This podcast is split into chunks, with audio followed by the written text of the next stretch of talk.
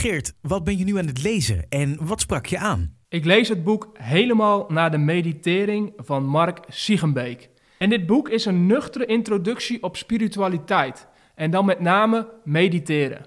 En in dit boek geeft hij een heldere en nuchtere kijk op wat mediteren is en vooral ook hoe je ermee aan de slag kan gaan.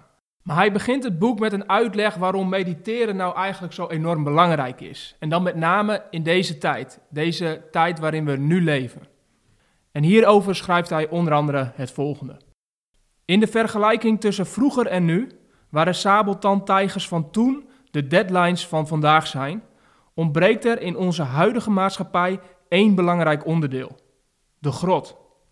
Waar we vroeger tijd kregen om bij te komen van het vluchten voor de sabeltandtijger en we onze hormoonspiegel naar een normaal niveau konden laten dalen, daar wordt de eerste piek in je stressniveau, bijvoorbeeld de deadline van de baas, tegenwoordig direct gevolgd door de tweede, bijvoorbeeld het zieke kind dat eerder van de crash gehaald moet worden. En de derde, bijvoorbeeld de mail dat de staattafels op zijn van het verhuurbedrijf die je nodig hebt om een borrel te organiseren. We krijgen dus nooit een moment van rust.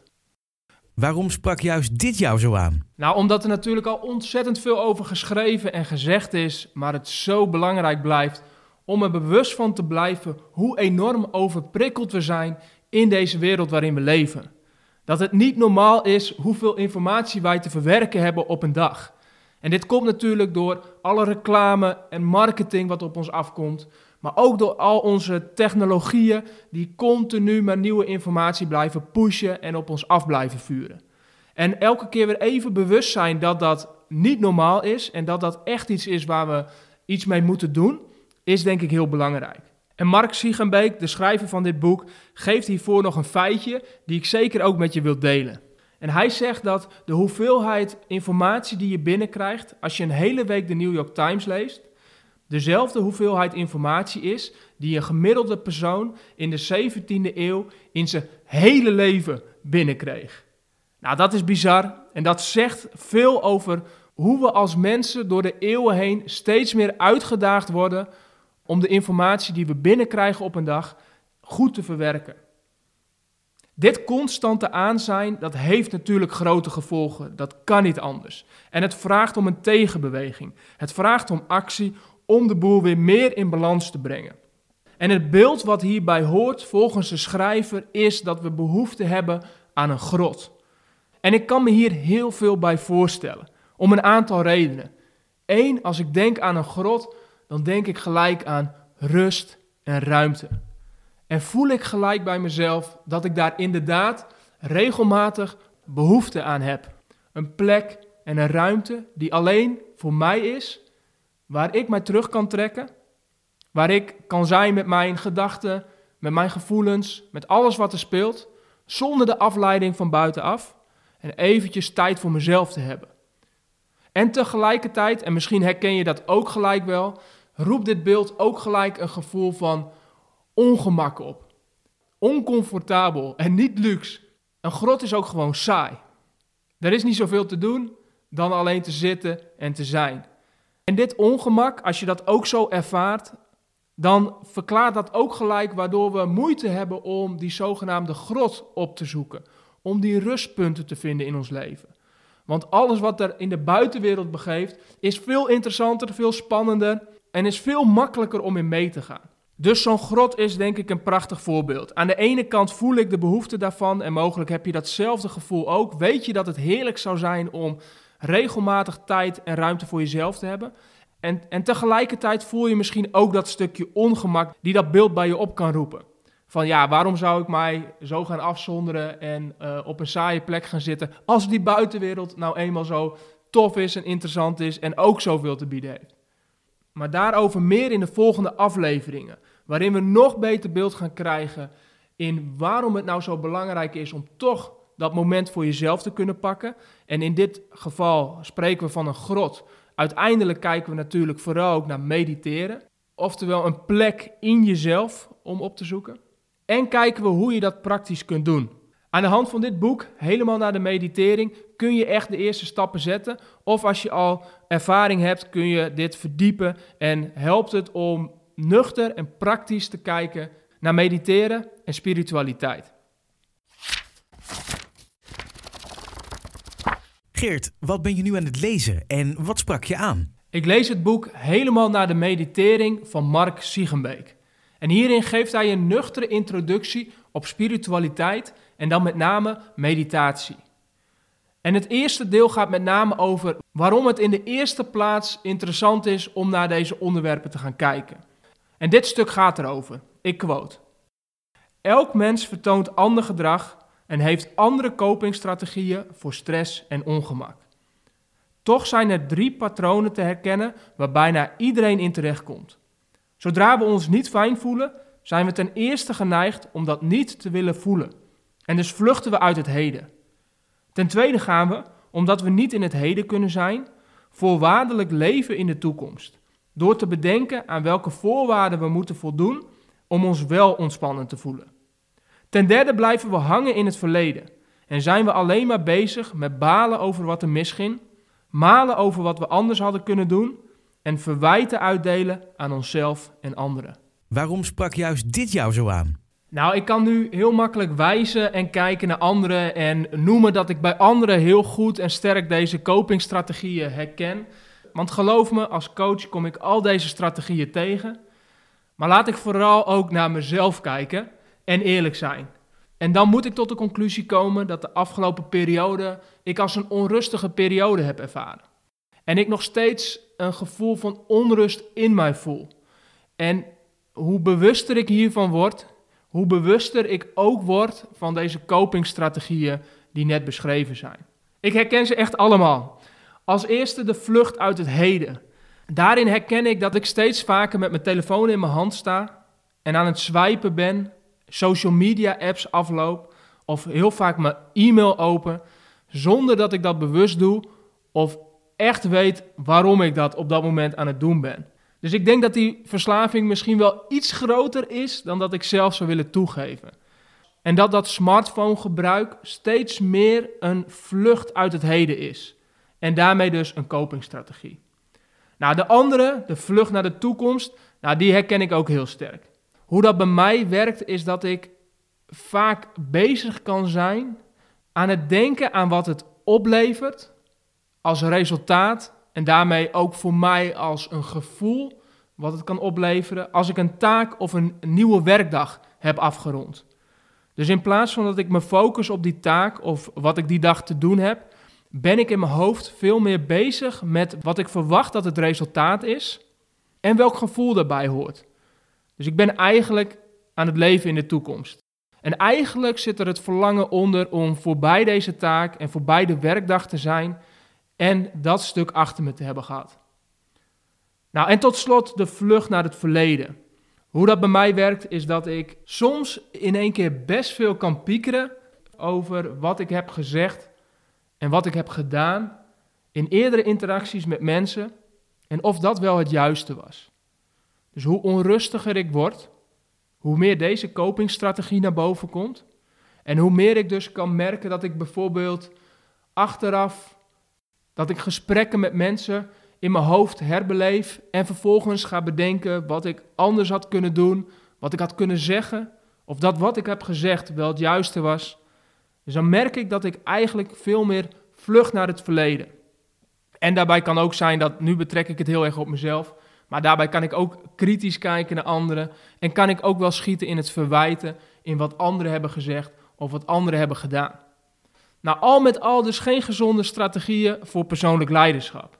Want hiermee leg je heel erg de invloed buiten jezelf. Um, ben je eigenlijk vooral aan het vluchten, wegbewegen en niet aan het bewegen naar datgene wat je wilt, naar je eigen doel. En mogelijk als ik dit zo met je deel, dan herken je bij jezelf ook die verschillende strategieën. En de kans is groot dat dit zich bij jou op een andere manier uit. Dus het is interessant om daar voor jezelf meer inzicht in te krijgen. Hoe kan ik hiermee aan de slag? Nou, hoe je dat in de praktijk doet, is dus datgene wat ik nu eigenlijk ook bij mij doe. Door dit stuk te lezen, ga ik voor mezelf na van, hey, hoe zit dat eigenlijk met mijn copingstrategieën? Wat herken ik hierin? En daarin is de uitdaging om eerlijk te zijn naar jezelf. Om echt even te kijken in hoeverre je herkent dat je vlucht uit het heden Dat je vlucht naar de toekomst of dat je vlucht naar het verleden. Check eens bij jezelf wat je daarin bij jezelf herkent. Dit is altijd stap 1. Bewustwording is stap 1. Hoe bewuster je ervan bent, hoe beter je dit kunt gaan veranderen. Dus check het voor jezelf, wees eerlijk, veroordeel het niet, maar kijk er zoveel mogelijk oordeelloos naar, zodat je die inzichten vervolgens kunt gaan gebruiken om een gewenste verandering te maken. Voor mij is dit ook weer een mooie eye-opener en ik kijk er naar uit om in het vervolg van het boek nog meer handvatten te krijgen om meditatie te blijven gebruiken. Want voor mij is het al een onderdeel van mijn leven. Maar zoals je kunt horen, zit er ook weer winst te halen. Dus blijf ik kijken naar wat kan er beter, wat kan ik anders doen om ervoor te zorgen dat ik dat onrustige gevoel in mezelf verminder, dat ik meer tot mezelf kan komen, dat ik meer die grot op ga zoeken voor mezelf. Als je de eerste aflevering hebt geluisterd, dan weet je waar ik het over heb. En dus minder schiet in die ongezonde copingstrategieën. En kan blijven groeien in persoonlijk leiderschap. Ik kijk er naar uit. Tot de volgende keer. Geert, wat ben je nu aan het lezen en wat sprak je aan? Ik lees het boek helemaal naar de meditering van Mark Siegenbeek. En hierin geeft hij een nuchtere kijk op meditatie. En in het stuk wat ik nu ga delen gaat hij in op een veelgemaakte denkfout. Namelijk dat meditatie betekent dat je niets doet. En hierover schrijft hij het volgende. Als je mediteert, ben je actief met iets bezig. Meditatie is namelijk een oefening die je hersenen traint om zichzelf te reguleren. In de meeste gevallen train je bij meditatie de vaardigheid om je continu, zonder onderbrekingen, op één ding te focussen. Het effect dat meditatie dan heeft, is dat het je uit je hoofd haalt en brengt naar dat wat zich werkelijk op dit moment afspeelt. Meditatie helpt je je aandacht te verplaatsen van voortdurend denken en doen naar zijn in het nu. Door dat geregeld te doen, oefen je je hersenen om je aandacht te richten op dat wat voor jou belangrijk is. Je doet dus niet niets bij meditatie, maar leert uit je hoofd te komen en meer in het nu te zijn. Meditatie is in zekere zin dus een vorm van hersentraining. Waarom sprak juist dit jou zo aan? Nou, omdat het in één klap duidelijk maakt dat meditatie dus niet betekent dat je niets doet. En dit is een veelgemaakte denkfout, ook eentje die ik zelf heb gemaakt. Ik heb lang rondgelopen met de overtuiging dat meditatie betekent dat je op een stoel stil gaat zitten, je ogen sluit en that's it. En dat de bedoeling is dat je dus aan niets denkt, niets doet en eigenlijk ergens opgaat in het niets eigenlijk. Uh, maar niks is minder waar. Meditatie is eigenlijk gewoon keihard werken. En het zien als een hersentraining, dat heeft mij heel erg geholpen. Zoals je dus naar een sportschool gaat om je biceps te trainen, zo kun je dus ook gaan mediteren om je hersenpan te trainen. Dat betekent dat je een proces doorgaat en dat je met kleine stapjes steeds iets beter kunt worden. Want ook je spieren, die train je niet in één dag. Daar heb je herhaling voor nodig. Daar heb je ook rust voor nodig tussendoor. En dat vraagt om een plan, dat vraagt om een stappenplan. Nou, zo werkt dat dus ook met meditatie. Dus dat aandacht richten op het zijn, aandacht richten op het moment en de uitdaging aangaan om uit je hoofd te gaan en uit het doen te gaan, dat is hard werken en een training op zich. Hoe kan ik hiermee aan de slag? Nou, ik denk dat het belangrijkste is als je hiermee aan de slag wilt gaan, dat je klein begint. Net zoals je dat met een training zou doen. Je leert ook niet zwemmen door direct in het diepe te duiken zonder bandjes. Hoe je dat leerde was stap voor stap, elke keer je grenzen verleggen. Elke keer weer een nieuwe vaardigheid erbij leren. En zo werkt dat dus ook met meditatie. En vind het dus ook niet gek dat je zeker aan het begin op weerstand zou stuiten. Net zoals dat je dat mogelijk hebt in een sportschool als je begint met trainen. Dus leg de lat laag, wees voorbereid op een gezonde dosis mentale weerstand en help jezelf om die training aan te gaan en het stap voor stap aan te pakken. Begin klein en werk dat elke keer een beetje uit. En hou daarbij in je achterhoofd, als het je lukt om je aandacht te richten op een moment, ben je fantastisch bezig. Dat is niet niks doen, dat is keihard werken. Dus beloon jezelf daarvoor, zie de progressie die je maakt en hou het klein en simpel voor jezelf. Geert, wat ben je nu aan het lezen en wat sprak je aan? Ik lees het boek Helemaal naar de meditering van Mark Siegenbeek. En hierin geeft hij een nuchtere introductie op meditatie. En in het deel dat ik nu met je ga delen, heeft hij het over de bekendste vorm van meditatie. Mogelijk eentje waar je al bekend mee bent. Hierover schrijft hij het volgende. De meeste vormen van meditatie vragen je om je aandacht bewust en actief op één aspect te richten en daar vervolgens bij te blijven.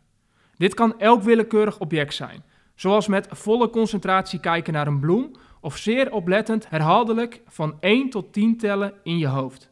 De bekendste vorm is echter het volgen van de adem. Nadat je met je rug op een stoel of meditatiekussen bent gaan zitten en in de meeste gevallen je ogen hebt gesloten, onderzoek je eerst bij jezelf waar in je lichaam je jouw adem het duidelijkst voelt.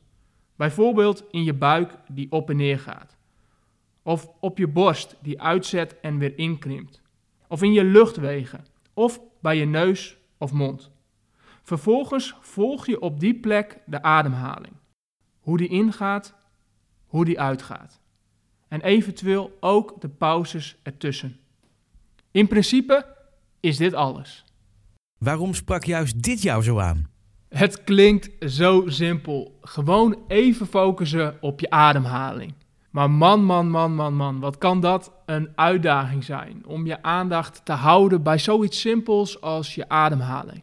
Het doet me denken aan de tijd dat ik in Thailand was. Daar heb ik een meditatietraining gedaan, een aantal jaar geleden. Dat was tien dagen lang, dus dat was echt onderdompelen in meditatie. En daarbij was deze vorm van meditatie ook een van de meest gebruikte.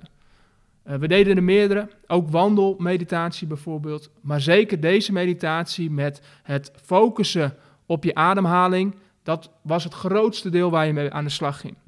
En wat me daar dus opviel is hoe uitdagend het is om echt je aandacht te blijven houden bij je ademhaling. En de uitdaging met name is, als je deze vorm gaat oefenen voor jezelf, is dat je jezelf niet afwijst of veroordeelt op het moment dat je aandacht verslapt of weggaat bij die ademhaling.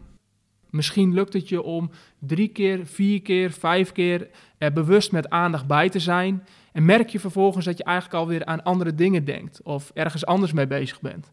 En de kunst is dus om dat niet te veroordelen, maar om daar bewust van te zijn en vervolgens heel relaxed en rustig je eigen aandacht weer terug te brengen naar je ademhaling. Dat is de kunst van meditatie. Dus niet zozeer dat het je per se moet lukken om zo lang mogelijk die aandacht vast te blijven houden, maar dat je steeds bewuster bent van die momenten dat je aandacht wegdrijft, dat je aandacht weggaat en dat je daarmee dus in staat bent om de aandacht zelf weer terug te brengen naar het hier en nu en je ademhaling. Dat is de grote oefening. En dat maakt het ook gelijk leuk om ermee aan de slag te gaan. Want er zit geen goed of fout in. En elke keer dat je je bewijzen van jezelf betrapt op het feit dat je aandacht weggaat, uh, heb je dus een momentje van winst. Want dan merk je dus dat je steeds beter wordt in het waarnemen ervan, het bewust van zijn en vervolgens weer het terug te brengen naar het hier en nu. Hoe kan ik hiermee aan de slag?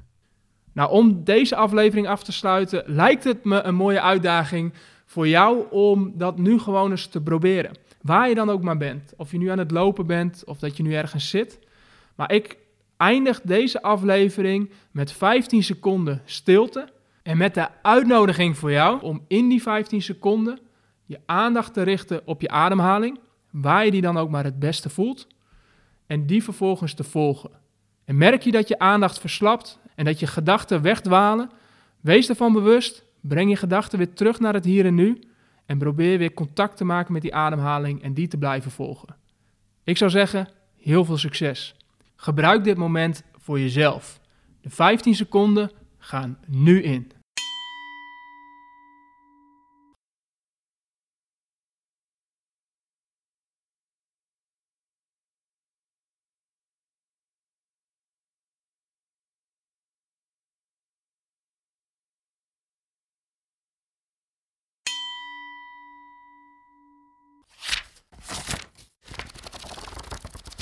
Geert, wat ben je nu aan het lezen en wat sprak je aan? Ik lees helemaal naar de meditering van Mark Siegenbeek. En hierin geeft hij een nuchtere kijk op meditatie en spiritualiteit. En hij benoemt onder andere welke voordelen het heeft om te mediteren. En één daarvan is het herkennen van je emoties. En hierover schrijft hij het volgende. Vraag een willekeurig persoon op straat wat hij op dat moment voelt en je zult een weinig accurate beschrijving krijgen. We zijn, zonder dat we het in de gaten hebben, eigenlijk heel slecht in het herkennen van onze emoties. Waarschijnlijk komt dat doordat we onszelf deze vraag veel te weinig stellen. Aan het einde van de dag kunnen we ineens zagrijnig zijn en zijn we ons voor het eerst bewust van onze emotiehuishouding. Dit is jammer, want als je niet weet wat er in je omgaat, kun je er ook niet op handelen. Waarom sprak juist dit jou zo aan? Omdat er achter emotie zo enorm veel energieschil gaat. Het is één grote energiebron. En ga maar na. Als jij boos bent en je weet dat aan te raken, je weet daar contact mee te maken, ja, dan ontploft er iets. Dan ontploft er ook een bom van energie. En datzelfde geldt voor elke andere emotie die je kunt voelen. Ook verdriet bijvoorbeeld. Ook angst. Daarachter zit altijd energie. En het is zo jammer dat we dit zo vaak onderdrukken. Hiermee gaat heel veel onnodige energie verloren als je het mij vraagt. Hier in het Westen, waar we opgroeien, leren we al van jongs af aan om in ons hoofd te gaan. Om dingen te bedenken, te beredeneren, te analyseren. En raken we eigenlijk dat contact met onze emoties en ons gevoel kwijt. En daarom is het mooi dat Mark Siegenbeek hiermee benadrukt dat meditatie een middel kan zijn om hier weer contact mee te maken. Om weer te tappen in die bron van energie. Hoe zie je dit in de praktijk? Ik zie in de praktijk eigenlijk hetzelfde als wat ik bij mezelf merk. En dat is dat als die emotie er mag zijn, dan levert dat altijd een hele hoop op. Als je echt eventjes contact kunt maken met die emotie, als je echt even boos kan zijn of verdrietig of bang, dan kan dat zomaar een nieuw besluit of een nieuwe richting of gewoon opluchting opleveren. En ook al voelt dat op dat moment niet goed en heb je mogelijk de neiging om het te onderdrukken of het van je weg te duwen, toch zul je merken dat als je wel die emotie toe kunt laten, en dat begint dus bij herkennen van de emotie en dat het er mag zijn, dat er ruimte voor is, dan zul je ook merken dat het je heel veel kan opleveren. Tenminste, zo werkt dat vaak voor mij en ook voor de mensen die ik mag begeleiden en die ik coach. Dus in de praktijk zie ik juist vaak het tegenovergestelde. Iemand drukt het weg. Maar als ik met iemand in een coachsessie in gesprek ben en diegene die voelt even wat er is en die voelt misschien de onzekerheid of die voelt het verdriet of die voelt spanning en dat stukje mag er zijn, dat zijn vaak ook de coachsessie waarin achteraf gezien iemand zegt dat dat het meest heeft opgeleverd.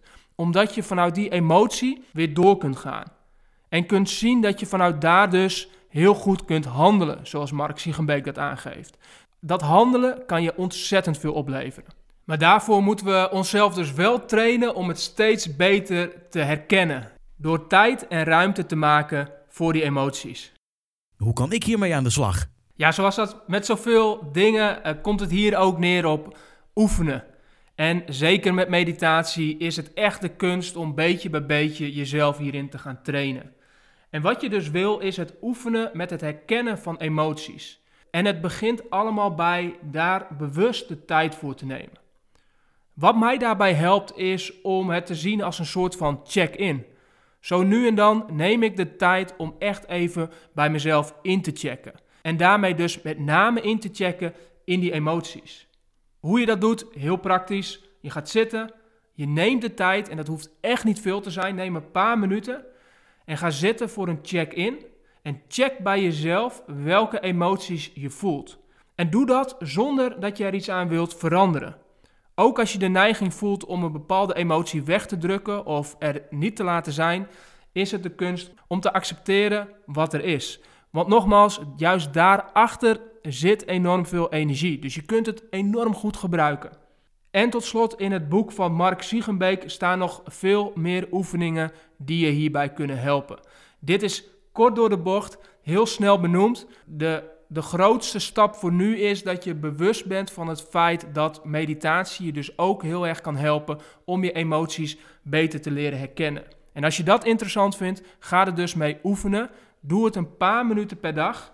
Maak het niet te groot voor jezelf. Houd simpel en oefen met het herkennen van je emoties en daarmee dus ook meer te kunnen handelen vanuit die energie die erachter zit. Geert, wat ben je nu aan het lezen en wat sprak je aan? Ik lees het boek helemaal naar de meditering van Mark Siegenbeek. En hierin heeft hij het onder andere over een belangrijke bijvangst van meditatie, namelijk discipline. En hierover schrijft hij het volgende. Een eerste bijvangst van meditatie is meer discipline. Dit komt doordat meditatie iets is waar je hersenen meestal geen zin in hebben. Achteraf besef je pas dat het toch weer een goede keuze was om op die stoel te gaan zitten. Als je dit dagelijks doet, rewire je de verbindingen in je hersenen om minder weerstand te hebben tegen zaken waar je eigenlijk geen zin in hebt. Waarom sprak juist dit jou zo aan? Nou, hier wordt in mijn beleving niet zoveel over gepraat als je het hebt over meditatie. Maar het is natuurlijk wel zo. Meditatie daagt je enorm uit om te werken aan je discipline. En dat is echt een enorme bijvangst. Want het is één van de belangrijkste skills die we kunnen ontwikkelen als je het mij vraagt. Discipline. Discipline in een wereld die om afleiding schreeuwt en continu jouw aandacht wil opeisen. Is het zo belangrijk om gedisciplineerd te kunnen leven en gedisciplineerd te kunnen werken? En dat betekent dat je dus steeds meer traint om datgene waar je door verleid wordt, waar je hersenen jou toe verleiden, om dat te laten staan en te gaan voor datgene wat jij wil en waarvan je weet dat het goed voor je is. Discipline in een wereld vol met verleidingen is goud waard. Hoe zie je dit in de praktijk? Nou, je kent het ongetwijfeld. Je motivatie is vaak heel hoog als je ergens aan begint. Met welke gewoonte dan ook. Het kan zijn uh, tanden stoken, misschien koud afdouchen of in dit geval mediteren. Als je begint met een nieuwe gewoonte, dan is die motivatie lekker hoog. Maar hoe dan ook, komt er op een gegeven moment altijd een motivatiedip. Je hebt er geen zin in, je ziet er tegenop, je bent er een beetje zat van of er is sleur in gekomen. Of je merkt dat er andere dingen zijn die je ook graag wil doen en die verleidelijk zijn. En dan heb je dus discipline nodig. Anders wordt het een verhaal van, en dit zie ik heel veel in de praktijk, starten, stoppen, starten en weer stoppen. Dat kost heel veel energie. Het kost heel veel motivatie continu om weer opnieuw te beginnen. En met als resultaat dat je je doel uiteindelijk vaak niet bereikt. Hoe kan ik hiermee aan de slag?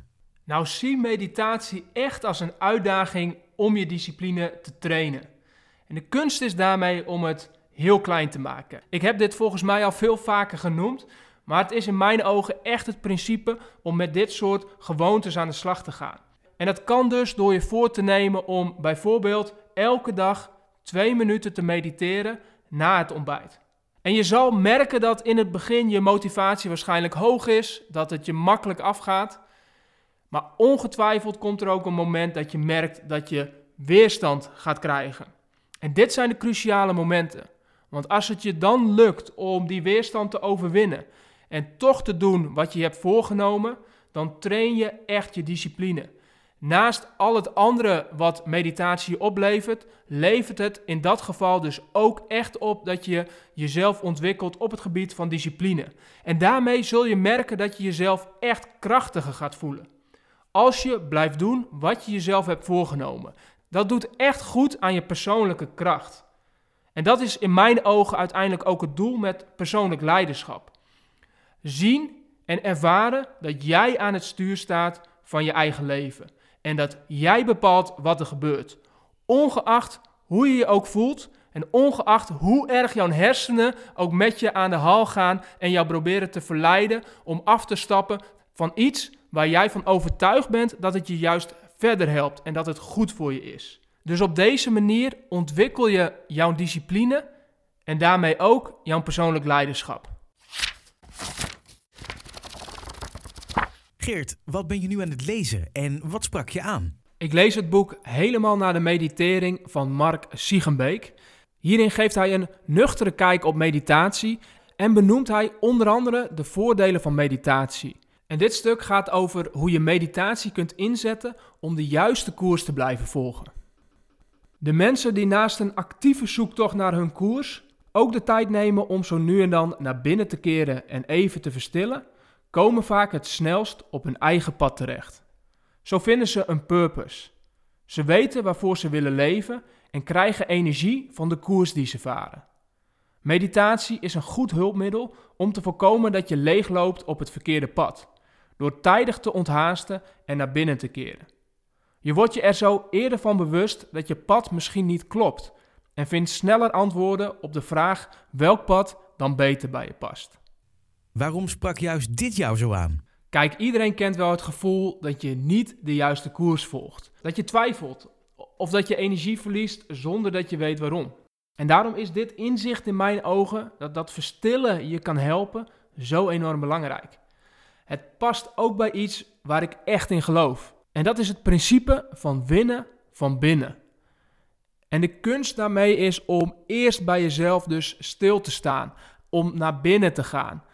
Juist als je niet precies weet welke koers je volgt of dat je twijfelt over de koers die je volgt, is het zo belangrijk om bij jezelf te beginnen, naar binnen te gaan, zodat je kunt ontdekken wat jij echt wil, zonder de externe ruis en de mening van anderen. Hoe zie je dit in de praktijk? Nou, ik zie ons vooral heel erg druk zijn in de praktijk. En ook rondlopen met het gevoel dat we het allemaal moeten weten. En dat we dat ook moeten uitstralen naar elkaar. Dat we precies moeten weten waar we mee bezig zijn. Dat we weten dat onze koers klopt die we nu volgen. Uh, en daarbij letten we ook heel erg veel op elkaar en de mening van anderen. Met dus als gevolg dat als we niet oppassen, we heel erg extern georiënteerd zijn. En dus vergeten om juist intern te oriënteren. En, en dus te verstillen en in onszelf te keren om daar de antwoorden te vinden. Hoe kan ik hiermee aan de slag? Hoe goed zou het zijn om vaker stil te staan en stil te zijn? Om echt even tijd voor jezelf vrij te maken. En misschien is dit een wandeling in het bos of een weekend weg voor jezelf. Of neem je inderdaad de tijd om even te mediteren. Maar hoe dan ook, ik zou zeggen, als je dit in de praktijk wil brengen, dus jouw koers vinden van binnenuit, oftewel winnen van binnen, neem dan echt tijd om te verstillen, tijd voor jezelf te nemen en te kijken welke antwoorden en welke koers er van binnen in je zit. Geert, wat ben je nu aan het lezen en wat sprak je aan? Ik lees het boek Helemaal naar de meditering van Mark Siegenbeek. Hij geeft hierin een nuchtere kijk op meditatie. En hij beschrijft natuurlijk ook wat de voordelen ervan zijn. En een van de voordelen is, is dat het je kan helpen voorkomen om te hard te gaan op jouw eigen pad. En hierover schrijft hij het volgende. In A New Earth maakt Eckhart Tolle onderscheid tussen je outer purpose en je inner purpose. Je outer purpose is leven in lijn met je grootste talenten, je diepste passies, je belangrijkste behoeften, de behoeften van de wereld en met je morele geweten. Je inner purpose is om elke stap op je levenspad met aandacht en bewustzijn te zetten. Het leven van je outer purpose is namelijk geweldig en heel belangrijk. Maar als je er zo doelgericht van wordt dat je niet meer met aandacht de stappen op je eigen pad zet, is het het dan waard. Waarom sprak juist dit jou zo aan? Nou, we kunnen zo makkelijk verleid worden om alleen maar druk te zijn met dat wat we doen. En wat de volgende stap is. Ik zie dit vooral bij ambitieuze professionals. Weet je, die honger naar meer en die honger naar beter. En daar is natuurlijk niks mis mee. Maar de grote valkuil is natuurlijk, en dat is het grote cliché, is dat we ons te veel focussen op de bestemming en vergeten bewust de reis mee te maken. En de vraag die Mark Siegenbeek hier in mijn ogen terecht stelt is: is het de reis dan wel waard? Hoe zie je dit in de praktijk? In de praktijk maak ik mijzelf hier ook echt wel schuldig aan. Ik kan heel erg gericht zijn op het inzetten van passies en talenten van mijzelf en anderen helpen om dat ook te doen, waardoor ik heel hard en doelgericht werk en daardoor een stuk minder of soms misschien helemaal niet geniet van het proces. En waar ik het vooral aan merk is de mate waarin ik dan druk ben in mijn hoofd. En ik het gevoel heb dat mijn werk nooit af is. Dat zijn de momenten dat ik echt voel dat ik leef in mijn outer purpose. En is dus de uitdaging om te vertragen en even te leven in een lager tempo.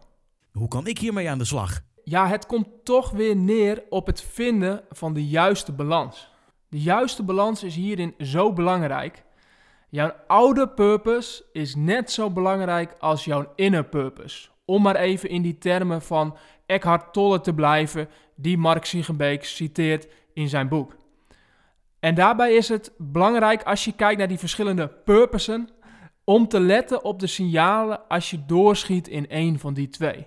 Dus word je ervan bewust. Hoe beter je dat wordt, hoe beter je daarop kunt anticiperen. En beter nog, als je er echt gelijk mee aan de slag wil en het praktisch wil maken, plan dan naast je doelgerichte taken ook tijd waarin je niets hoeft. Geert, wat ben je nu aan het lezen en wat sprak je aan? In Helemaal naar de Meditering stelt Mark Siegenbeek een belangrijke vraag die veel mensen zullen bezighouden. En dat is: hoe houd ik dit vol? En hierover schrijft hij het volgende. Simpelweg moet je je hersenen er eerst van overtuigen dat het een goed idee is om voldoende gemotiveerd te zijn. Daarna is het even streng voor jezelf zijn en voldoende discipline opbrengen. Tot slot is het voor het volhouden op de echt lange termijn belangrijk dat je de waarde van je beoefening helder krijgt, zodat je het niet meer zonder wilt. Waarom sprak juist dit jou zo aan? Kijk, deze stappen zijn niet alleen voor meditatie interessant, maar eigenlijk voor alle dingen waarvan je weet dat het goed is, maar geneigd bent om er op de duur mee te stoppen. Zoals bijvoorbeeld sporten, uh, gezond eten of je werk inplannen. En het klinkt zo simpel, maar dat is het natuurlijk niet. En dat heb ik ook weer ervaren door het bespreken van dit boek. Want hierdoor kwam ik ook weer meer in gesprek over meditatie met anderen. En vaak hoorde ik dat iemand het wel eens heeft gedaan, er ook de voordelen van inziet, maar het maar niet lukt om er een gewoonte van te maken. En het is dus daarmee een heel belangrijk punt dat Mark Siegenbeek hier aansnijdt. Hoe hou je het vol? Is een belangrijke vraag als het gaat om meditatie. En de drie stappen die hij beschrijft, die maken het heel concreet. En helpen dus ook om ermee aan de slag te gaan. En te zorgen dat je er niet alleen mee begint, maar dat je het ook dus kunt volhouden. Hoe zie je dit in de praktijk? Nou, heel eerlijk, in de praktijk zie ik vaak al dat de eerste stap al een grote uitdaging is. En dat is dus je hersenen overtuigen dat het een goed idee is om voldoende gemotiveerd te zijn. En in dit geval om te beginnen met meditatie. Want we plaatsen meditatie snel in dat vage hoekje en doen er dus liever niet zoveel mee. Dit boek trouwens helpt enorm om het daaruit te halen. Juist de nuchtere beschrijving en de praktische voorbeelden, de concrete voorbeelden, helpen hier heel erg bij. Dus het helpt om die eerste stap te maken in ieder geval. Als die stap gelukt is, dan kom je automatisch dus bij de tweede stap. En dat is streng zijn voor jezelf en voldoende discipline hebben. En ook dit is niet makkelijk. En ik zie veel mensen hier dezelfde fout maken. En dat is namelijk dat ze het direct voor zichzelf te groot maken. Dus dat ze eenmaal beginnen met meditatie en misschien zelfs met de gedachte: oké, ik ga eraan beginnen en voor de rest van mijn leven ga ik dit volhouden. Waarmee het dus gelijk zo'n groot ding wordt. En wat je daarbij kan helpen is om jezelf een challenge te geven voor een bepaalde periode. Bijvoorbeeld de challenge om te oefenen elke dag met mediteren voor de komende twee weken. Hiermee wordt het overzichtelijk. En na die twee weken kun je vanzelf alweer een nieuwe periode vaststellen, zodat je er dus langzamerhand een gewoonte van maakt. Voor die twee weken heb je namelijk veel minder discipline nodig dan dat je dat gelijk hebt voor de rest van je leven. En tot slot de derde stap, de waarde van de oefening helder krijgen, zodat je niet meer zonder wil.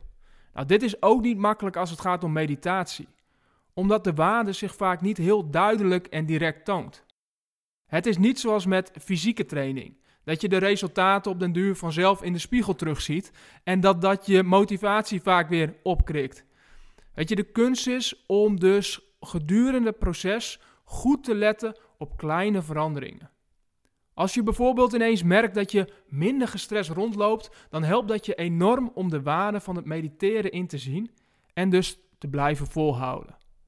Maar nogmaals, het is niet simpel, dus wees niet te streng voor jezelf als je merkt dat je moeite hebt om het vol te houden. Begin gewoon opnieuw en leer van de vorige keer. Heel veel succes!